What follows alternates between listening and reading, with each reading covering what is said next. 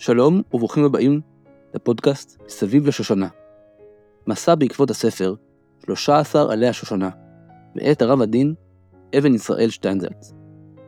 בפרק הזה נעסוק במושג קדושה, כפי שהוא נקרא בספר, הקדושה. למילה קדושה יש הרבה אסוציאציות. היום משתמשים במילה הזאת באופן חופשי מאוד.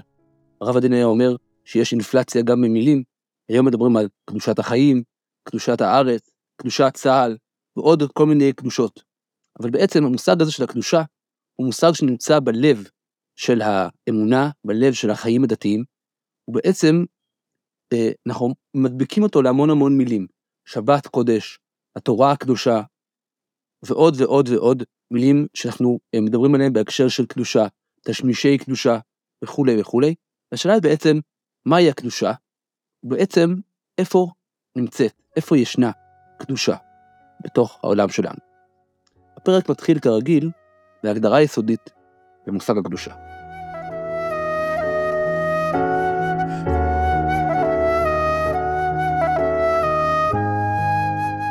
המשמעות היסודית של מושג הקדושה, בלשון הקודש, היא הנבדלות.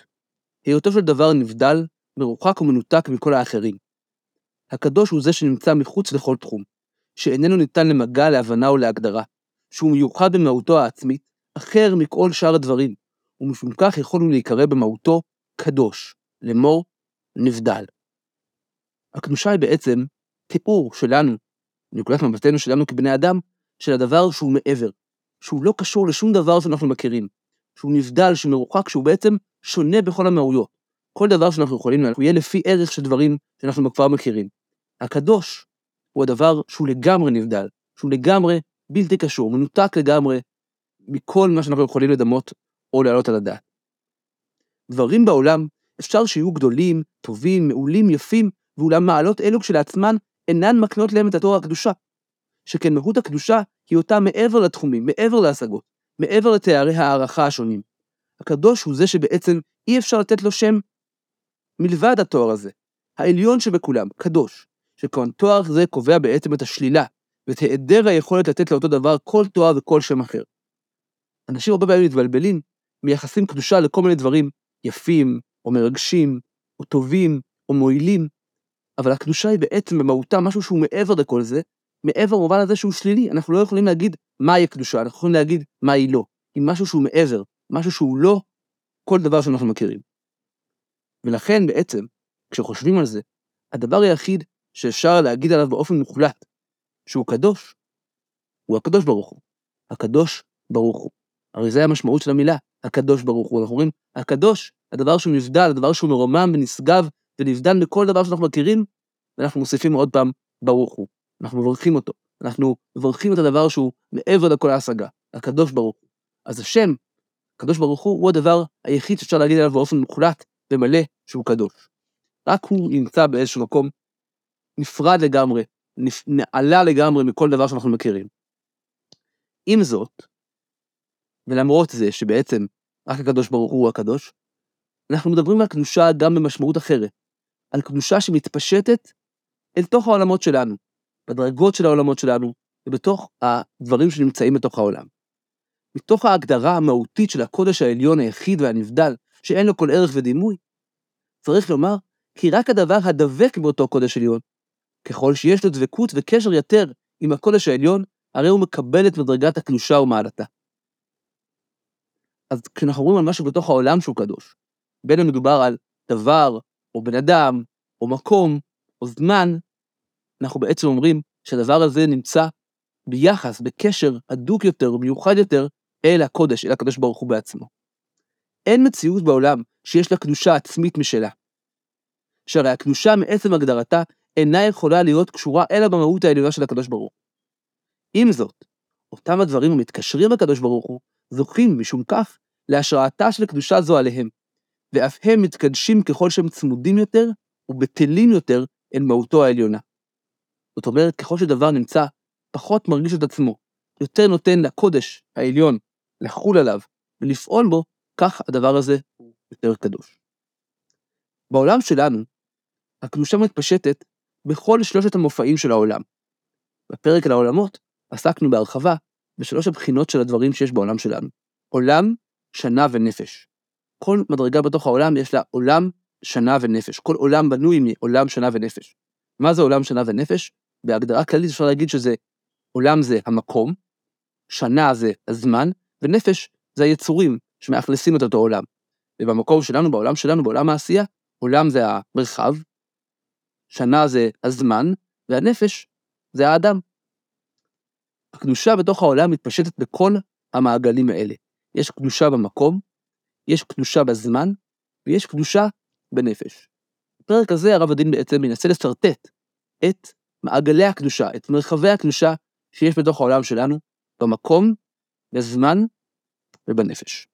קדושת המקום מופיעה בסדרה של כאין מעגלים קונצנטריים, אשר מרכזם הוא בית קודש הקודשים בבית המקדש בירושלים.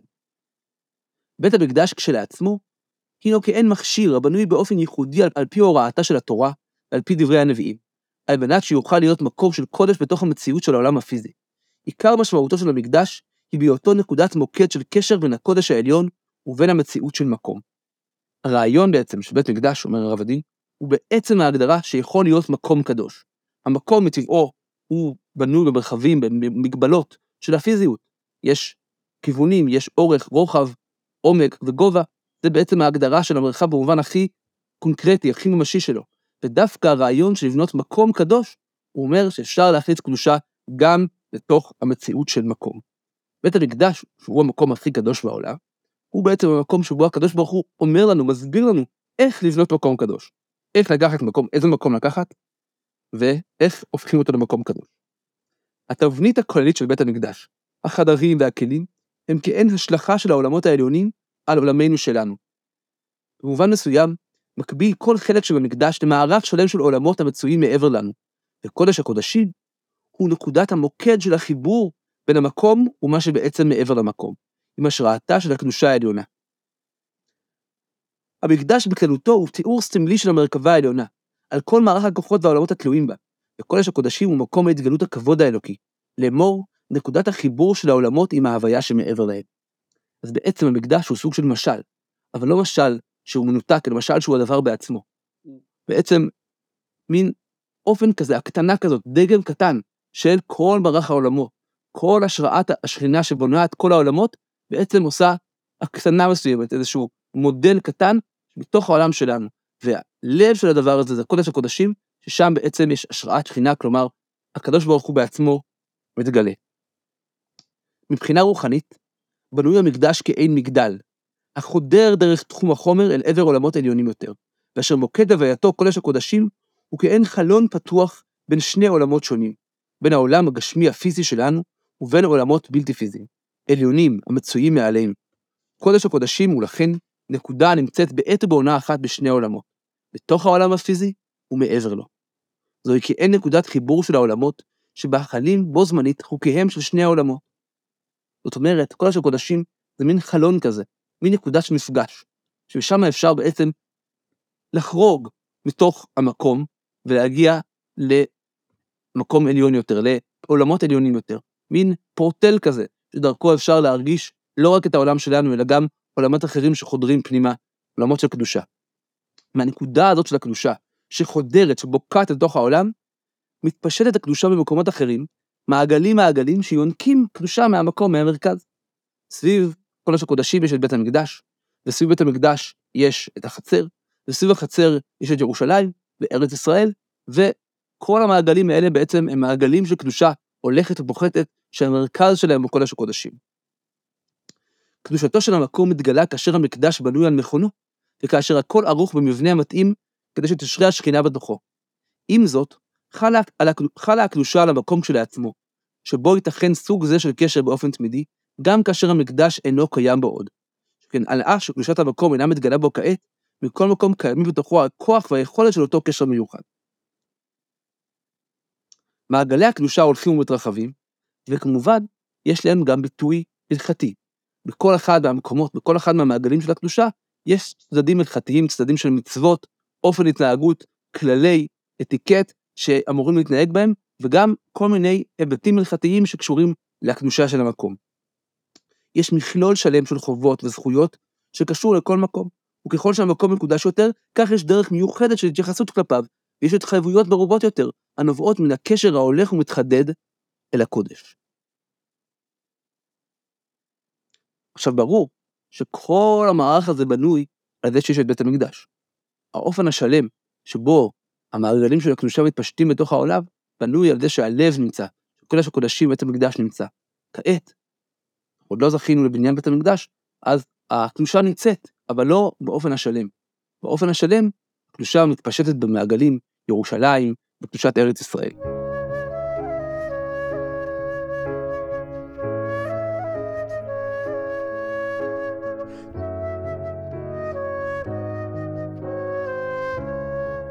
כעת הרב הדין עובר לדון בנושא טיפה אחר, ובעצם השאלה עד כמה הקדושה הזאת היא דבר מורגש, דבר מוחשי, דבר שאפשר להחזיק בו. קדושת המקום קיימת, כאמור, בהיות המקום קשור לקודש העליון. הקשר הזה הוא אובייקטיבי וקיים, ואולם, חוויית הקדושה אינה שייכת לכל, אלא רק למי שזכאי לחוויה זו. יש פה חלוקה שהרב הדין אהב לעשות אותה בין הדבר כשלעצמו לבין החוויה. זאת אומרת, בית המקדש הוא מקום קדוש, אבל עדיין יכול לבוא לבית המקדש ולא לחוש את החוויה הזאת. החוויה היא עניין אחר, והסיבה שהחוויה היא עניין אחר, היא שהכלים של האדם לא תמיד זכים מספיק כדי להרגיש את הקדושה במקום. המקום הוא קדוש, אבל זה לא אומר שהאדם מרגיש את זה. רק לעיתים נדירות ניכרת ומתגלה אותה קדושה על עינינו בתחומו של העולם החומרי. בדרך כלל, עניינה של קדושת המקום עבור האדם הוא בעשיית אותו מקום מוכשר להתקשרות מיוחדת, מעמיקה יותר ופנימית יותר אל הקודש העליון. זאת אומרת, עבור רוב בני האדם, מקום קדוש פירושו של דבר, מקום שעוזר לי, מקום שאני מכין אותו במיוחד בשביל הקדושה, אני מייעד אותו בשביל הקדושה. בגלל זה הוא מסמל בעיניי, הוא מבטא אצלי את הקדושה, אבל זה לא אומר שאני מרגיש את קדושת המקום. ומשום כך, כותב הרב, אין הקדושה שבתוך המקום מתגלה לכל אדם כהוויה של קדושה. האדם זקוק למידה מסוימת של הכנה והיטהרות, כדי שיוכל להיות כלי קיבול מודע לחוויית הקדושה. בהיעדרם של כלים אלה, תחושת הקדושה היא תחושה עמומה ביותר שכמעט אינה ניכרת. האם אפשר להגיד על כולנו שאנחנו מרגישים את קדושת הארץ או את קדושת ירושלים? מעטים האנשים שמרגישים שהנפש שלהם מספיק זכה כדי שהם יוכלו להרגיש את הקדושה של הארץ, שהם יוכלו להרגיש את הקדושה של ירושלים כדבר ממשי, כדבר כמעט פיזי. קדושת המקום היא איפה ההתגלות של הקודש העליון בתוך המקום הפיזי. והתגלות זאת נובעת מלמעלה, מכוח האור העליון השופע במקום זה. אכן, קיימים מקומות שאין בהם קדושה בכל מלוא המשמעות, ובכל זאת מקבלים אותם מקומות הערה של קדושה על ידי מאורע או עניין של קודש הקשורים עליהם. בתי הכנסת שלנו נקראים מקדש מעט. קדושתם באה משום שמקדישים אותו לצורך התקשרות עם הקדוש ברוך הוא, ואשר בזמן ההתכנסות בו, ובפרט בעת התפילה, יש בו השראה של קדושה. זאת אומרת, יש את המערך הרשמי של הקדושה במקום, בית המקדש, הר הבית, ירושלים, ארץ ישראל, אבל יש גם מקומות אחרים. מקומות, בתי כנסת שבנוי על זה שבני ישראל מקדישים מקום עבור עניינים של קדושה, או דברים שהיה בהם פעם איזה צד של קדושה. למשל, צדדים מסוימים יש מקומות שמדברים על קברי צדיקים, בתור מקום שיש בזה השראה של קדושה, או מקומות אחרים, ששם אפשר להתקשר אל הקודש. אבל המקום כשלעצמו הוא לא קדוש מצד עצמו. הקדושה בכל המעגלים קשורה תמיד בזיקה של המקום הזה אל הקדוש ברוך הוא. מעגל אחר של קדושה, הוא מעגל מעניין מאוד, הוא כמובן הקדושה שקיימת בזמן. הקדושה של ימים מיוחדים בשבוע, בחודש ובשנה. וכאן נכנס הרב הדין להסבר מתומצת ומעמיק מאוד של תפיסת הזמן ביהדות. איך בנוי הזמן ביהדות? כידוע, לכל מיני תרבויות יש כל מיני תפיסות של זמן, תפיסות מעגליות, תפיסות של קו, כל מיני תפיסות של זמן. אצל היהדות יש, לדעת הרב הדין, תפיסה מאוד מיוחדת, וככה הוא כותב. מהלך הזמן בעולם היהודי אינו נתפס כזרימה קווית, חד-כיוונית בלבד, שבה העבר, ההווה והעתיד קשורים זה בזה בדרך סיבתית, אלא כשילוב של שתי תנועות, התקדמות מצד אחד וחזרה היקפית מעגלית בצד שני. באופן כולל מאוד, תפיסת הזמן ביהדות היא כי אין קו לולייני, ספירלה, הממשיך וסובב וממשיך ועולה מאז ראשית הבריאה. כלומר, הזמן מצד אחד לא רק קו שבו אנחנו עוברים כל הזמן מהעבר אל ההווה ולעתיד, והעבר מוליד את ההווה, וההווה מוליד את העתיד, ויש הכל ליניארי וסיבתי. מצד שני, אנחנו לא חיים בזמן מעגלי, זמן שכל הזמן חוזר על עצמו, מחזוריות של זמן, אנחנו חיים בספירלה. יש התקדמות, אבל ההתקדמות תמיד הולכת באיזשהו עיגול. ראודין יסביר את שתי הצדדים האלה. יש תמיד חזרה מסוימת על העבר, שלעולם אינו הוויה מתה שעברה ובטלה לגמרי, אלא מציאות החוזרת ומתגלה תמיד, בדרך מסוימת שהיא משמעותית תמיד, אלא שמשמעות זו משתנה תדיר, על פי מהלך הזמנים המתחדשים. כלומר, יש איזושהי חזרתיות, יש תמות, יש עניינים שחוזרים כל שנה, פועלים כל שנה בתוך העולם, פועלים כל שבוע בתוך העולם, אבל כל פעם פועלים באופן קצת אחר, לפי ההתקדמות. כלומר, יש התקדמות, אבל באופן מעגלי. יש איפה חזרה מתמדת על תבניות היסוד של העבר, אך לעולם אין זהות מדויקת בין שני רגעים במהלכו של הזמן. כל רגע ורגע בזמן הוא שונה לגמרי, ועם זאת יש תבניות, יש מעין מהלכים בתוך הזמן, שבהם דקה מסוימת מאוד מאוד דומה ומאוד קשורה ואולי גם יונקת מדקה אחרת שהייתה לפני שנה, או לפני שבוע. היקף החזרה הזו אינו אחיד. למעשה הוא פועל בכמה מעגלים. יש מעגל של שעות היום, יש מעגל השבוע, יש את החודש, והשנה, מחזורי השנים, השמיטות והיובלות, ואחר כך מחזורי התקופות הגדולים של אלף השנים ושבעת אלפים שנה. המון המון המון מעגלים והמון סוגים של מחזורים. המעגל של ימות השבוע קשור אל שבעת ימי הבריאה. כל השבוע הוא בעצם חזרה מחודשת על התהליך הראשוני של הבריאה. כל יום בשבוע יש בו הערה וביטוי וקשר לאותו יום הראשון שהיה בתחילת ימי הבריאה. יום ראשון הוא ביטוי, הוא מעורר את הכוח שהיה ביום ראשון, יום שני את הכוח של יום שני, וכן הלאה. כל יום ימי הבריאה, כותב הרב, אינו רק זמנה של יצירה מסוימת, אלא הוויה מיוחדת לעצמה, הקשורה באחת מהסתירות. לפיכך לכל יום בשבוע, ואף לכל שעה ביום, יש משמעות מסוימת ואופן מיוחד. יש אופי של יום שלישי, יש מהות של יום שני. הזמן הוא לא רק גוש שאפשר לחתוך אותו לחתיכות בגודל קבוע. הזמן הוא ייחודי, כל דקה ייחודית, כל דבר הוא ייחודי, ויש דבר שנקרא יום שלישי, וכל יום שלישי הוא קשור ליום שלישי הקודם, וליום שלישי הקודם ועד ליום השלישי הראשון בבריאת העולם. ימי הבריאה הם השלכות של הספירות העליונות אל הזמן.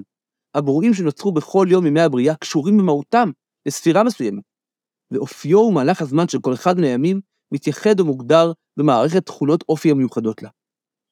משום כך, יש בין ימי השבוע ימים ששייכים וראויים לדברים מסוימים, וימים אחרים יפים ומתאימים לגילויים ודברים אחרים.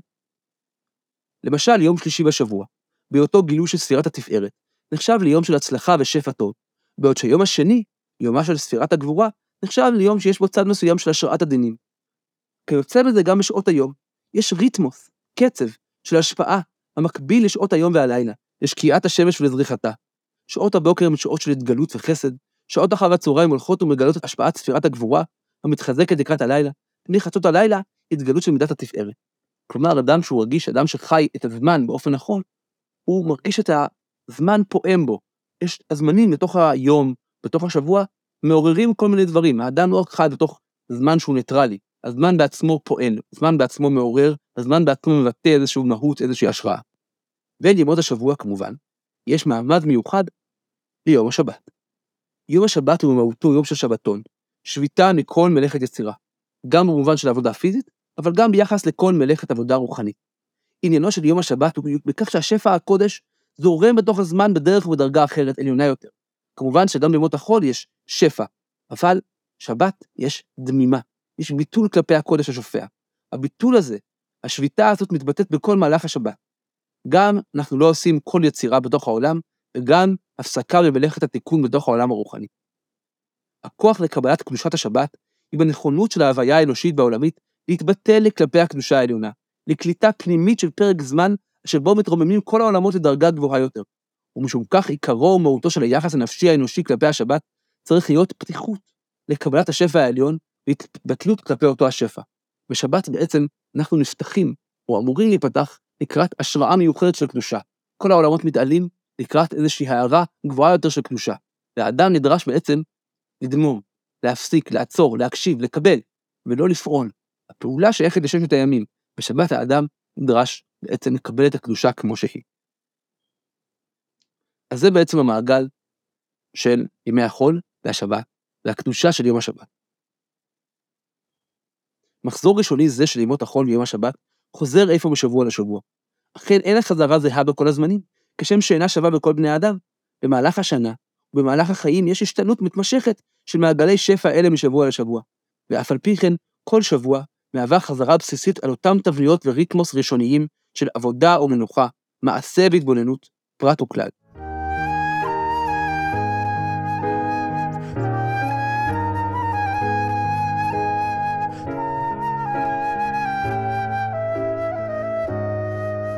אבל מה לגבי מחזוריות החודש והשנה? זה מחזור אחר לגמרי. החודש היהודי, שבנוי על הירח, הוא קשור במערכת השינויים באור הירח, ממולד למילוי, ועד לשקיעה מחדש. השינויים האלה נקשרים גם בפצצת מהותו של החודש. צד העלייה של החודש הוא בחלק הראשון, וצד הירידה בחלק השני של החודש. המוקד של מחזוריות זו יום ראש החודש, היום של מולד הירח החדש, היום שהוא הראש, הראשית והכללות של ימי החודש הבאים. והמחזור הגדול ביותר של הזמן, כמובן ביהדות, הוא המחזור של השנה, שבתוכו מצויים עיקרם של חגי ישראל. החגים, בכללותם, נחלקים לכמה סוגים. יש את החגים שבעצם מבוססים על מאורעות יסוד של עם ישראל. הקדושה שבתוך הזמן מתבססת גם על העבר ההיסטורי, שבעצם הופך להיות חלק מההווה שלנו במעגל הזמן, ונקשר בתוך תבנית יסוד אחת. למשל, יציאת מצרים, קבלת התורה בהר סיני, נדודי ישראל במדבר, וכן שאר המאורעות בעלי משמעות של קדושה שהראו לעם ישראל במשך הדורות, נשארים קבועים בתוך מהלכה של השנה. יציאת מצרים, חג הפסח, התורה, חג השבועות, נדודי ישראל במדבר בחג הסוכות וכן הלאה. מהותו של החג אינה רק בהיותו יום זיכרון למאורעות העבר, עיקרו בכך שיש בו הערה, השתקפות מחודשת של אותו מאורע יסודי, החוזרת ונשנית בכל שנה. בפסח חוזרת מדי שנה ההתגלות היסודית של יציאת ישראל ממצרים. בשבועות חוזר ומתרחש האירוע של מתן תורה, וכך בכל יום, חג ומועד בכל שנה ושנה. קביעתו של חג היא בעצם קביעתה של נקודה בתוך מחזור השנה, הנקבעת בקדושתה, משום הקדושה הראשונית של מאורע שחל בה. זאת אומרת, בכל שנה, בכל חג, מתעורר מחדש אותו כוח, אותה השפעה של קדושה שהתעורר בפעם הראשונה. בפסח מתעורר אותו כוח של הקדוש ברוך הוא שירד למצרים וגאל אותנו. בשבועות יש התעוררות מחדש של אותה השראה של הקדוש ברוך הוא שירד בהר סיני, וכן הלאה והלאה. הקדושה שיש בכל חג היא בעצם ההערה המחודשת של אותו דבר שהתרחש, שקורה שוב ושוב כל שנה. אבל מלבד החגים האלה, יש גם חגים שלא קשורים למחזור ההיסטורי של עם ישראל, אלא יש בהם איזושהי מהות מיוחדת בפני עצמה. יש ימים, כמו ראש השנה ויום הכיפורים, שיש להם קדושה מהותית, שקשורה לאותו יום בשנה. זוהי הקדשה האלוקית באותה השנה. ראש השנה הוא הבסיס הראשון להיוולדה של השנה החדשה. במובן מסוים, יום ראש השנה הוא חזרה על היום הראשון לקיום האדם מלא אדמו, ולקבלת אחריותו של האדם על העולם ולהתחדשותו. הקדוש ברוך הוא קבע בעצם שיום ראש השנה הוא היום הראשון. יום הכיפורים הוא היום שבו מתגלה הקודש העליון, ומשום גילוי זה מתעלה האדם ביום זה מעל העולמות כולם. לכן גם יום זה הוא יום סליחה וכפרה על כל חטאיו של האדם. יש ביום זה התארות מחודשת של האדם בהתקשרותו לקדוש ברוך הוא. הקדושה של החגים האלה תלויה לא במעמד ההיסטורי, אלא בהתגלות של הקדושה. לא כל מאורע היסטורי זוכה לעשות חג. היו דברים מאוד מיוחדים שקרו לעם ישראל, שלא הפכו לחג. רק דברים שבאמת יש בהם השראת קדושה בכל שנה ושנה, הופכים להיות חג. כל החגים בעצם, זה בעצם זמן שאנחנו... כל החגים הם בעצם ימים שבהם יש הערה מיוחדת של קדושה. כל חג וחג יש לו הערה משלו. זוהי הקדושה שבעצם קיימת בתוך הזמן. כמובן שיש גם מחזור של ימי אבל, שקשורים למחזור ההיסטורי, תשעה באב, י"ז בתמוז, עשרה בטבת וכן הלאה, ואלה, העצומות האלה יתבטלו כשיבוא המשיח, כשיהיה תיקון שלם, אבל הימים האלה כרת, כרגע אינם גילויים של קדושה בתוך הזמן. הגילויים של הקדושה בתוך הזמן הם בחגים. כאמור, הקדושה שבימים הקדושים כולם נובעת אך ורק בקדושתו של הקדוש ברוך הוא, המתגלה בתאריך מסוים במהלכו של הזמן, ונשנית ומתחדשת בצורות שונות בכל שנה ושנה. לסיכום עניין הקדושה בתוך הזמן. הזמן, כמו שהרב דין מסביר אותו, הוא לא רק משך ארוך שעשוי מאותו החומר, ואפשר לחתוך כל חתיכה שתראה בדיוק כמו חתיכה אחרת. הזמן הוא במהותו שונה, הוא מתפתח והולך, וכל חתיכה וכל רגע הוא דבר חדש. ובתוך הזמן יש מחזורים, יש מעגלים, יש כל מיני דברים שממשיכים לפעול בתוך הזמן. והזמן, הקדושה שבתוך הזמן מתעוררת בזמנים מיוחדים, גם בתוך השבוע, גם בתוך השעות, גם בתוך השנה, החגים, יש הערה של קדושה שמתעוררת בהם. אדם שרוצה להשיג קדושה, אחד המקומות שהקדושה נמצאת בהם, היא בתוך הזמן.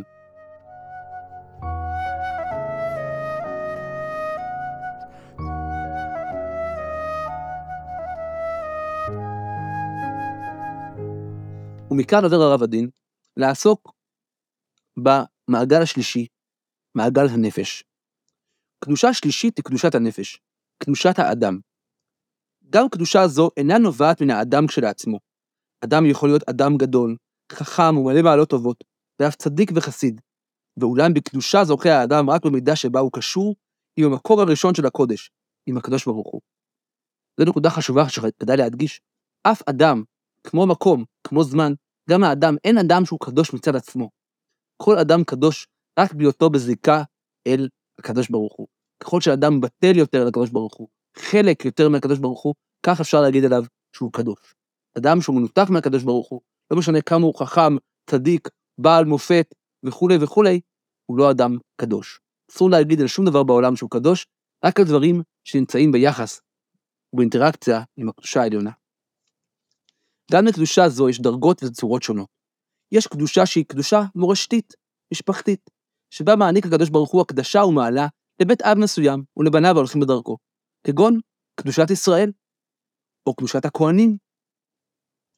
אז יש מעמדות, יש עם, שהקדוש ברוך הוא החליט שהעם הזה, יש בו השראה מיוחדת לקדושה. יש קבוצה בתוך עם ישראל שנקראת כהנים, והכהנים יש להם השראה מיוחדת לקדושה. אבל, אומר הרב, פנימית מזו ומשמעותית יותר, היא הקדושה הבאה מתוך ההתקשרות הפרטית האישית של אדם עם הקדוש ברוך הוא. יש התקשרות לקדושה על ידי המצוות. קיום של מצוות והימנעות מעשיית רע, כל אלה עוטפים את האדם בקשר מתמיד עם הקדוש ברוך הוא. והקשר הזה, כאשר הוא קבוע ומתמיד, כאשר האדם איננו סוטה ממנו, מביא את העושה אותו לכלל שלמות הקדושה. אדם שבעצם הולך אחרי הקדוש ברוך הוא, מקיים את המצוות, ולא עושה את העבירות, ועושה את זה באופן מתמיד, זוכה להגיע לקדושה. זה אופן אחד. כיוצא בזה, יש את ההתאחדות האינטלקטואלית עם הקדושה, בלימודה ובידיעתה של התורה. כאשר אדם לומד את התורה ומתבטל אל החוכמה האלוקית המלובשת בה, כאשר הוא משקיע בה את נפשו ואת חייו, הרי על ידי כך הוא מתקשר בקשר פנימי ביותר עם קדושת התורה, שהיא הביטוי הפנימי לחוכמתו ולרצונו של הקדוש ברוך הוא בעצמו. אז יש קדושה שמגיעה על ידי המצוות, על ידי עשיית דברים טובים, ויש קדושה שמגיעה על ידי לימוד תורה. אבל יש קדושה למעלה מזו. למעלה מזו, היא יכולתו של אדם לבטל את כל עצמותו, את כל מאווייו ורצונותיו, אל הרצון העליון. כאשר מגיע האדם לביטוי בדרגה כזו, הרי הוא מגיע לדרגה של הקדשה וקדושה בתכלית. כאשר אדם מביא את עצמו בתהליך של השלמה, לשלמות אישית, שהוא לגמרי לגמרי מסור, כל מה שהוא רוצה זה רק הקדוש ברוך הוא, אין לו שום רצון לעצמו, הוא בטל לגמרי לקדוש ברוך הוא, האדם הזה אפשר להגיד עליו שהוא אדם קדוש. אדם כזה שהוא קדוש בעצם הופך להיות סוג של כלי עבור הערה האלוקית. קדושה הזו מתגלה באדם בצורות שונות, בהתאם לכוחותיו הנפשיים ולכלים הרוחניים שיש לו. יש שלאחר התבטלותו של האדם לקדושת השם שבתורה ובמצוות, הוא מגיע להזדהות מסוימת מבחינת חוכמה העליונה עצמה. יש שהוא מגיע לחסד, והוא זוכה לגילוי של רוח הקודש, לאמור, רוחו ואופני התבטאותו נעשים כשלעצמם ביטוי של קדושה. לדרגה זו זכו אנשים גדולים בכל הדורות, על ידי הידבקות בתורה ובמצוות בכל אורח חייהם. למעלה מזה, זוכים יחידי סגולה בדורות מיוחדים לשפע המעמיד אותם ממדרגת הנבואה. הנבואה כרוכה בביטול גמור של האישיות הפרטית בשעת הנבואה, וביכולת להיות באותה עת כלי גמור עבור הדבר האלוקי הדובר מתוכם. וגם בזה יש דרגות. יש נביאים שנבואתם באה אליהם כחזון, ככוח עליון הכופה אותם, ולמעלה מזו התגלות של שכינה המדברת לתוך גרונו, כאשר בכל עת, בכל ימי חייו, יכול הנביא למצוא את הקשר לגילוי האלוקי, ומהווה מעין כלי שלם להתגלות השכינה. בעצם הרב הדין מצייר פה, כמו בזמנים, כמו במקום, מין קו עולה של קדושה. יש קדושה של האדם שעושה מצוות, לומד תורה, אדם שבטל לקדוש ברוך הוא. יש ביטול כזה שאדם הופך להיות ממש כלי שהקדוש ברוך הוא יכול לדבר דרכו. רוח הקודש, למעלה מזה נבואה, ולמעלה מזה הנבואה בבחינה העליונה של משה רבנו, ששכינה מדברת מתוך קרונו.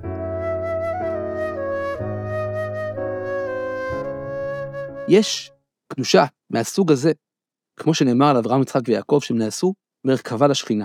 כלומר, הם עצמם הפכו להיות הכלי, הביטוי של הנוכחות האלוקית בתוך העולם.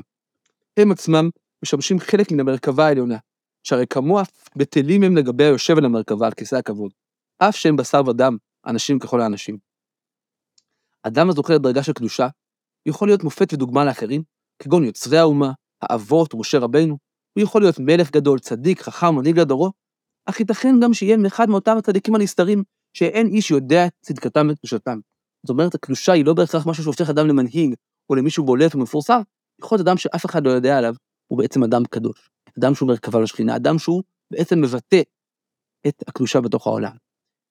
אם נסכם בינתיים, ראינו שבכל המעגלים של הקדושה, במקום, בזמן ובאדם, העניין הוא בסך הכל שהקדושה מתבטאת בתוך המציאות. במקום ובזמן זה נעשה בדרך כלל על ידי הקדוש ברוך הוא. הקדוש ברוך הוא בוחר מקום ומשרה שכנתו. הקדוש ברוך הוא בוחר זמן ומאיר איזושהי הערה. אם כי גם במקום אפשר לעשות בכנסת, אפשר מלמטה ליצור מקום שיהיה מקום של קדושה. וגם בזמן יש חגים שנקבעו, עם ישראל מקדש את החודש ויוצר את הקדושה שבתוך הזמן. אבל המקום שהכי בולט זה קדושת האדם, שבו האדם עצמו יכול, על ידי העבודה שלו, על ידי המאמץ שלו, להפוך להיות כמה שיותר בטל לקדוש ברוך הוא, ובעצם נותן לקדושה לזרום דרכו, נותן לאלוקות לפעול דרכו. כאן הרב הדין מגיע לנקודה שהייתה נקודה מאוד חשובה בעולם החסידי, והיא התקשרות אל האדם הקדוש.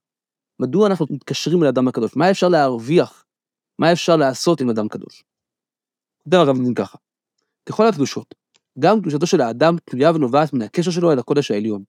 ומשום כך כל אדם, הזוכה ליצור קשר עם האיש הקדוש, מתקשר אף הוא במובן מסוים עם הקדושה. במובן זה האדם הקדוש כמוהו כמלאך.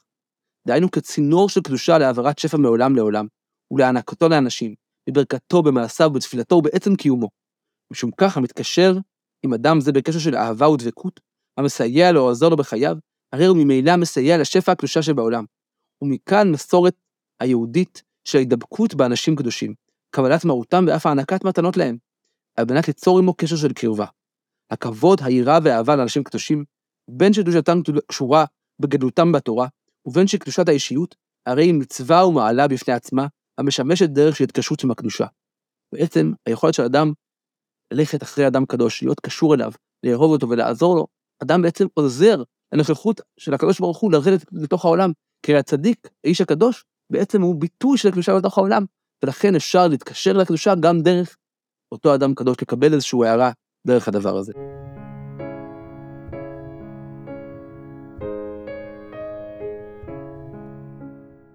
הוא מסכם הרב את הפרק. כך כל הקדושות, קדושת המקום, קדושת הזמן, קדושת הנפש, נובעות מן ההתקשרות אל הקודש העליון, והן משפיעות ומעבירות מן הקדושה אף אל האדם המתקשר בהם, ברצונו, במחשבתו, באהבתו במעשיו.